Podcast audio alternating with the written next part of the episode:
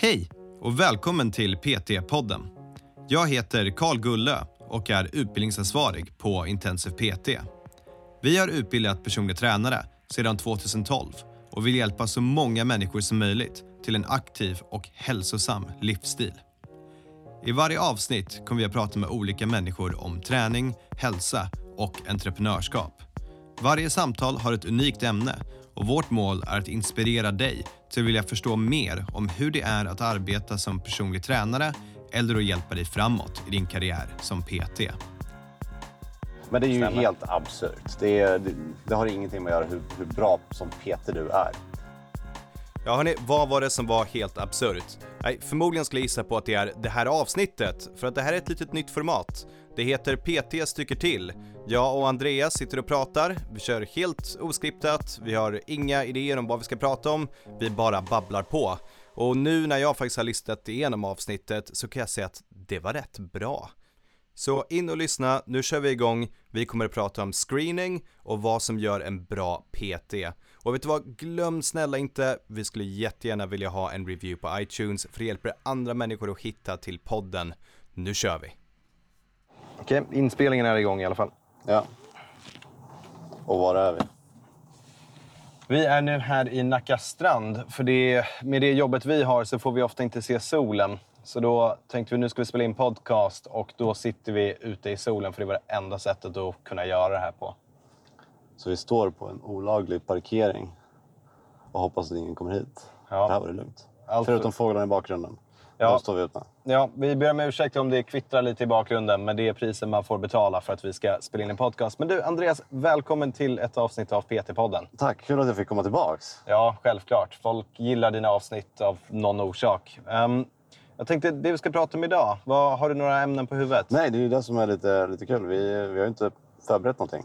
Eh, Så vi, vi ser vad som händer. Vi ser vad den här diskussionen leder oss. Men vad vill du prata om? Ja, vi kan väl börja så här. Vi fick en deltagare som skrev in till oss och hade lite frågor om screening. Ehm, så det var det första jag tänker på, att man kan ta upp lite. Eh, och där finns det ju olika typer av screening. Man har eh, FMS, Functional Movement Screening. Något som vi går igenom i utbildningen, som är lite enklare övningar. Man har väl mer eh, patologisk screening för att se om saker är fel. Men i grund och botten så är det väl hur ska man använda screening? Ska man göra det hela tiden med sina klienter? Ska man göra det alltid vid första tillfället? Ska man göra det lite ibland? Hur tänker du? Alltså jag tänker att man kan börja med att eh, tänka igenom varför jag vill screena och vad vill jag göra med den här informationen. Och väldigt ofta så det du får fram av screeningen är ju inte någonting som du ska på något sätt ändra eller fixa. Så vi, vi säger att vi börjar med en ren visuell screening. Vi börjar titta på asymmetrier och ojämnheter i eh, personens fysik. Och det vi ser är att det, är ju alltid lite snett och lite skevt och det ser lite, det ser lite konstigt ut. Och då kan man fråga sig, ska, hur är det här? Ska den här hållningen vara? Jag ska försöka få upp högeraxeln. Men sanningen är den att om vi inte har en, en smärta i det så ska vi inte försöka fixa någonting. Och om vi inte har en nedsatt prestation så ska vi heller inte försöka fixa någonting. Så det här är don't fix it if it ain't broken. Det stämmer ganska bra i screening. Så att det är nog det huvudpunkten man ska se. Vad är det jag vill ha ut av den här screeningen? Men kan det inte bli så då att om du har en asymmetri, någonting som är konstigt och de har inte smärta av det nu, kan inte det leda till att de kommer få smärta av det sen? Det kan inte du veta, det kan ingen veta.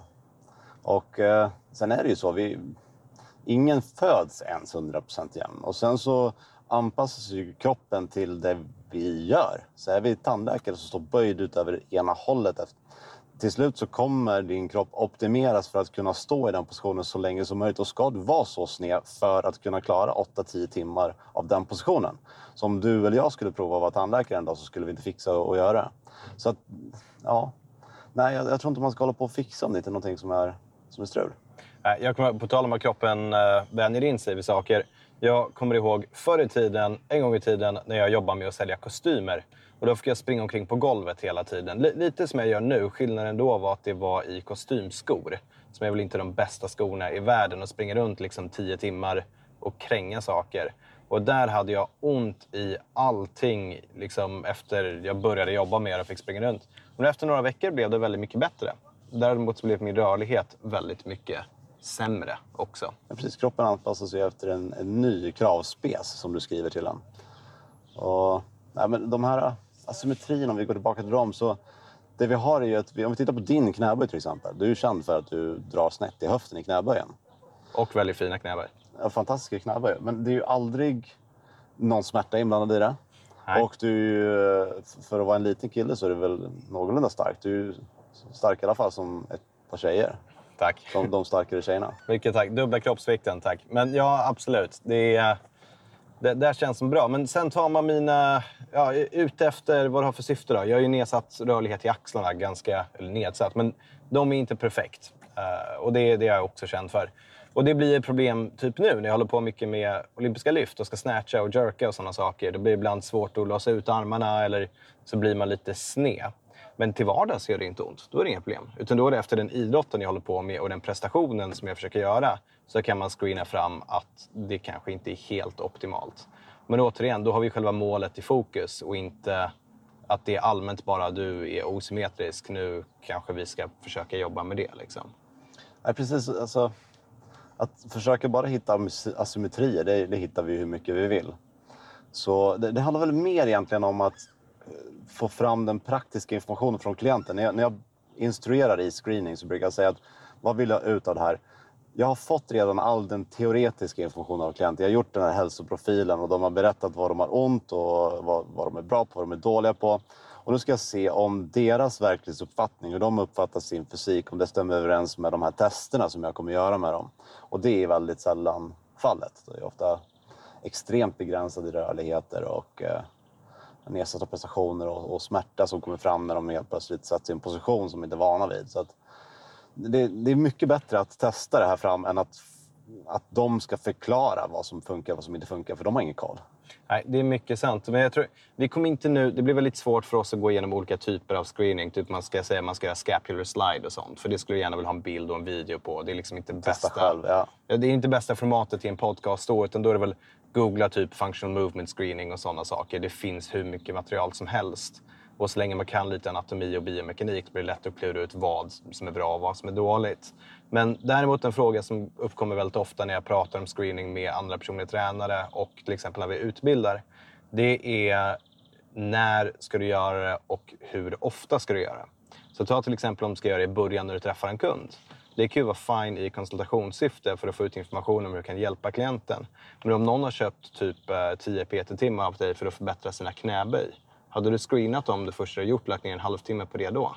Alltså för det första så skulle jag aldrig sälja tio timmar till någon överhuvudtaget. Och för det andra skulle jag aldrig sälja timmar till ett sånt specifikt mål. Jag vill bättra min knä. Det, det är för, för smalt för mig. Eh, Men säg att jag skulle göra det så, så skulle jag absolut screena fast jag kanske inte screenar så mycket axlar. Jag kanske kollar alltså dorsalflexion och betalflexion, kanske knäleder rotationer i höftled, sådana där saker som faktiskt kan begränsa rörlighet eller kan begränsa prestation. Eh, och sen ta det därifrån. Jag skulle absolut kunna tänka mig att spendera en timme bara för att se hur personen rör sig. Att Ja. jag vet rätt grund. Jag hade nog börjat i alla fall, kanske inte med eh, att kolla just screeningar, utan jag hade börjat såklart med att kolla själva knäböjet. Och se hur det funkar och vart man kan optimera. Och då, ofta så är det tekniska grejer som man kan jobba med, men kanske inte att det är just saknar externalrotation och sådana saker som blir problemet. Utan i grund och botten så är det tekniken. Sen beror det ju på vem du har, om du har någon som har gjort massor med knäböj eller någon som är väldigt ny på det såklart. Jag vet inte, men det, den där är alltid lite svår. Hur ofta ska du göra det? Hur ofta ska du rescreena en person? Och jag tror det jag försöker säga till folk då är att du får komma ihåg att allt du gör när du har de här människorna framför dig, när du tränar dem. Det kan vara allt från att de gör en biceps curl till en knäböj till en marklyft till att de ska springa. Så länge du tittar på dem och faktiskt använder huvudet och tänker så screenar du personen i det också. Det måste inte vara en 20 minuter, nu ska du screenas och sånt, utan allt de gör, det blir en screening. Ja, en sekundär screening bara för att titta på rörelsen.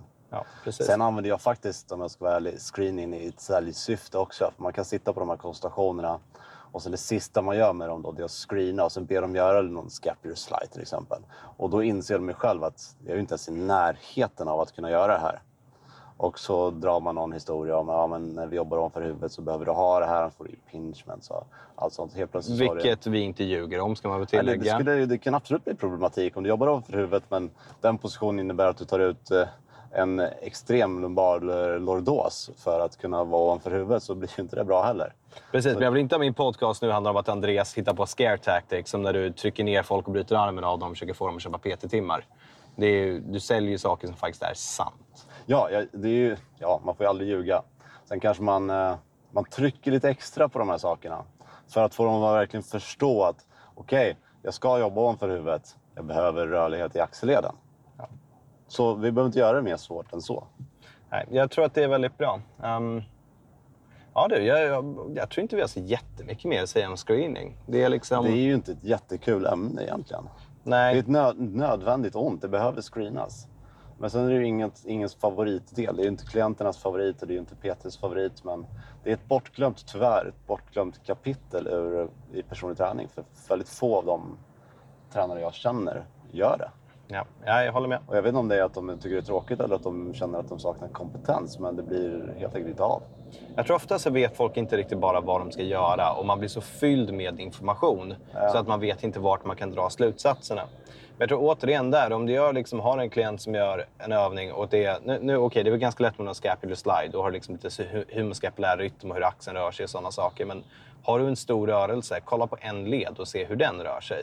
Att om man tycker det är svårt att se helheten i en position och en rörelse, titta specifikt på led till led för att försöka ja. bygga upp det ögat. Och så lär man sig ju ganska snabbt var begränsningarna sitter. Om, om en knäböj ser ut på ett speciellt sätt så vet jag att ja, det här brukar vara fotled till exempel. Ja.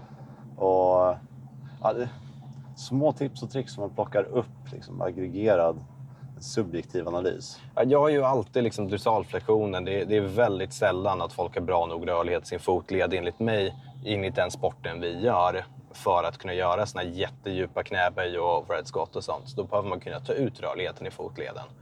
Och det är väl typ, ja, jag kan tänka på två eller tre klienter av våra hundra som vi har på gymmet nu som jag skulle säga det är godkänt på. Ja. Resten kan förbättras i det och det kommer göra allt annat betydligt mycket lättare också. Så vad har vi för konkreta tips till de som är intresserade av screening eller vill veta mer? Jag vet faktiskt inte. Um, börja med något standardiserat, typ eh, uh, FMS. Eller, uh, jag vet inte, eller någon annan standardiserad. Och använd den, men sen när du själv hittar input, saker du tycker funkar bättre, ha din egna metod och kom ihåg att din egna metod kan variera från klient till klient utifrån vad du tror att det är som är fel. Så börja med att ha en standardiserad plan, men sen våga lita på din magkänsla. Och jag menar, klienten vet ju inte heller vad du gör. Det är inte så att du ska lägga ner klienten för att testa någon i rotation och så du, du, måste inte vara så... Om du gör fel, om du känner fan jag såg den här övningen, jag vet inte exakt hur den ska gå till. Klienten kommer inte sitta där och döma dig för det. Utan testa, våga se vad som händer. Och sen kanske lägg inte alldeles för mycket vikt i screeningen heller. Nej, det sammanfattar det ganska bra. Använd filmkamera. Det är ett tips som jag kan ge också. Ja, det är faktiskt ett väldigt, väldigt bra tips. Ta bilder av screeningen bilder. så att du har referenser till ja. senare. Men eh, ja, så igen, det här kom vi båda fram till ett ganska tråkigt ämne. Uh, Sorry till du, till du som skrev om att det var screening som vi skulle lyfta upp. Vi byter samtalsämne. Uh, vi har, jag har en sak som jag vill prata om. Okej. Okay. Uh, jag vill prata om vad du tycker är en bra personlig tränare. Vad jag tycker är en bra ja. personlig tränare? Den är svår. Um, för mig tror jag mycket av det handlar om karaktären hos PTn snarare kanske än källkompetensen. Att man liksom... Det finns ju inte de bästa övningarna. Det, det, det mesta du gör kommer vara bra för klienten, men det handlar mycket om hur du som person möter klienterna. Och det är inte bara så att du är trevlig, för att alla är fucking trevliga. Utan det ska vara att du ska kunna relatera till din klient på ett annat sätt. Eh, på ett personligt plan hos den personen samtidigt som du kan hålla en viss distans för att det är ett jobb som du är utsatt där för att göra. Jag, jag, tror att det är mer de typer av aspekter som jag anser vara en viktig, bra personlig tränare. Sen får du fråga vilken hatt jag har på mig. Om jag har på mig hatten av en PT-chef, då tyvärr så låter det väldigt hemskt, men då är det faktiskt sälj som är det som bedömer om det är en bra PT eller inte. För att om de inte kan sälja, då kommer de inte ens få en chans att visa upp sin kunskap om de är en bra PT eller inte. För de kommer inte ha några klienter. Och vi tar dig, din karriär. Vad har du försökt göra för att du ska bli en bättre PT? Vilka ämnen eller liksom områden har du jobbat på? Så jag, jag insåg ju ganska fort att det jag, jag gjorde min första PT-utbildning när jag var 18, gjorde en PT-utbildning i London. Kom tillbaka till Sverige, började jobba med generella kunder Eh, och hade liksom folk som vill gå ner i vikt och såna här saker. Jag insåg ju direkt att jag tycker det är skittråkigt. Eh, och jag tycker att ha klienter som man över tid måste jobba och liksom skriva till och checka in hur de mår och såna här saker. Det, det tycker jag är skittråkigt. Så jag hittade ganska fort. Vad jag tyckte var kul var klienter som vill prestera. Inte på elitnivå, för det har inte jag kompetens för. Men klienter som vill bli bättre inom prestation. De vill skotta bättre eller kunna springa fortare eller såna här saker. Helt enkelt prestera bättre. Det är en annan typ av mindset. Och då har jag utbildat mig massor med olika liksom crossfit-utbildningar, mobility-utbildningar, styrkelyftutbildningar. För jag försöker samla på mig um, vi pratar om confirmation bias. Jag försöker utmana den och samla på mig idéer av olika skolor. Så att jag själv kan bilda min uppfattning och inte bara ha att det är ett sätt som är det bästa att göra på. För det tror inte jag finns. Jag tror inte någon vet hur det ska vara helt perfekt. Utan jag försöker både ha min inställning som jag har lärt mig i någon utbildning, det är så här man ska göra. Men sen direkt efteråt, istället för att predika att det är det bästa, försöka utmana det så mycket som möjligt. Så de klienterna jag har kan ha bred hjälp för att klara av sina mål. Men inte bara från en plats. Så för de personer är du en bra PT, men du är en dålig PT för de personer som kommer kräva lite mer. De kräver att du håller dem i handen genom fler processer. Ja, det skulle jag vilja säga. Det, jag, jag, håller gärna mina klienter i handen, men om jag måste skriva till dem för att se till att de inte sköter sin kostdagbok till exempel. Det, det, liksom, jag har gjort det. Jag känner lite, jag, jag har gjort det i åtta år. Jag, jag, har gjort det och jag tycker inte det... Jag glömmer bort om dem. Så man kan till och med för vi pratar om att skicka vidare om man inte känner att man har kompetens för att ta en klient. Men om man känner att det här är inte det jag gör bäst så kan man skicka vidare för att man känner att jag fixar inte det här. Absolut, det är inga konstigheter alls. Jag, jag tar inga sådana klienter. Det är därför liksom exemplet du sa nyss. Du tar inga PT-timmar ha 10 timmar i en skott. Ja. Det är min favoritklient. Det är det bästa. För jag har en tidsbegränsad period. Vi har 10 timmar. Jag, det, det, känns som ett projekt, ett uppdrag. Jag har 10 timmar på mig att göra den här personen så bra som bara möjligt. Uh, jämfört med att jag har en obegränsad tid, ett eller två eller tre år, på att den här personen ska gå ner i kroppsvikt. Och kostmål tycker jag alltid är svårt. För att jag, jag har ju aldrig själv haft jättemycket svårt med kost. Så jag vet att man måste... Det är en sån grej man kanske ska ha levt lite mer för att kunna ge råd om. Så jag har ju båda två föräldrar som är lite överviktiga. Och då har jag liksom bara fått den grundmentaliteten som jag vet är fel. Men det, och det är därför jag inte vill jobba med de klienterna som är, men vad fan, ät inte då. Det är inte så svårt. Ät det bara inte. Ät inte all den här skiten. Ja, men det är så svårt för det är kakor på jobbet. Okej, ät den inte då. Och jag vet att det där är, i grund och botten kanske det blir, det blir lite väl tufft. Om vi hade haft Maria här så hade hon skrikit och kastat böcker på mig nu och sagt det är klart folk ska få äta kakor ibland. Och det stämmer. Men där blir jag väldigt hård. Helt off topic här. Du har två föräldrar som är överviktiga. Stämmer. Tror inte du att du kommer bli överviktig när du blir stor? En dag utan tvekan. Det har redan börjat. Ja, jag, jag känner det också. jag har redan börjat. Lite tjockare varje gång jag ser dig.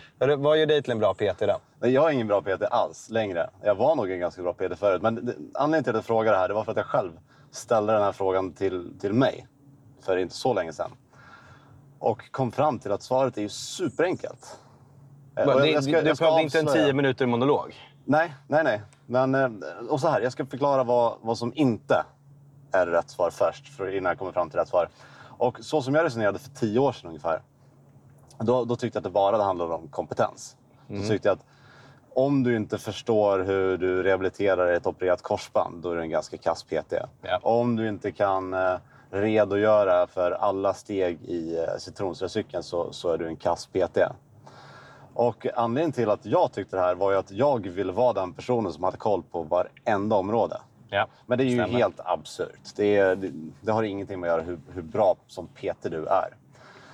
Sen för, för några år sedan, eh, om vi spår tillbaka till fem år, eh, där, så tyckte jag att eh, en personlig tränare var den som var någonting förutom den här timmen på gymmet. Så till exempel att, att jag åkte hem till, till mina klienter rensade ur kylskåpet för dem och slängde det de inte fick äta. Följde med dem till butiken och tittade på baksidan, på innehållsförteckningen på allt och förklarade. Det här är inte bra, du ska välja det här paketet istället för det här paketet.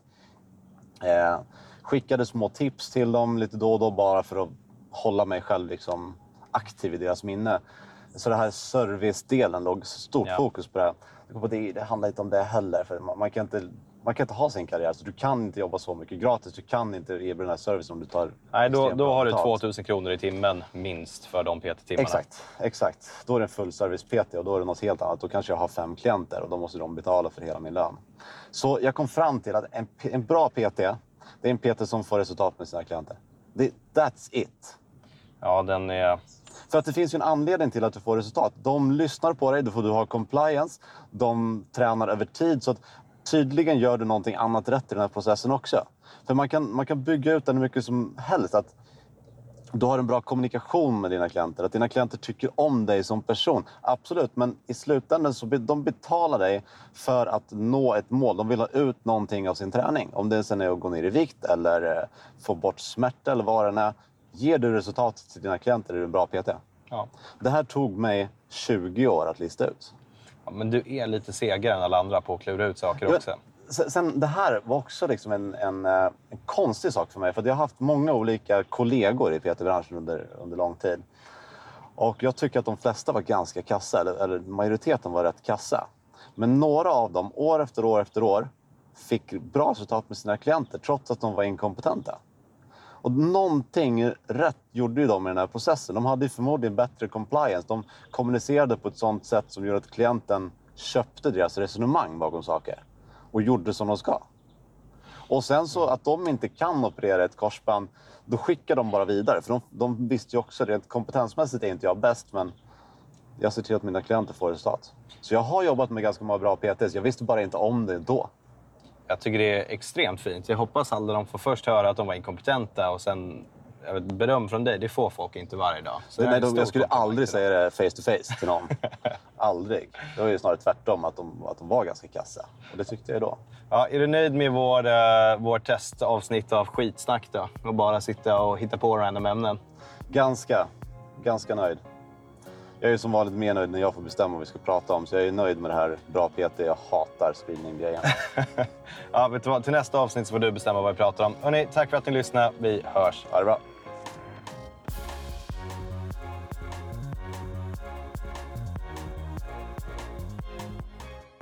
PT-podden är producerad av Intensiv PT. Om du vill veta mer om våra utbildningar och gå med i nätverket av framtidens personliga tränare, gå in på www.intensivpt.se. Vi har kursstarter varje månad och du kan studera helt i ditt egna tempo.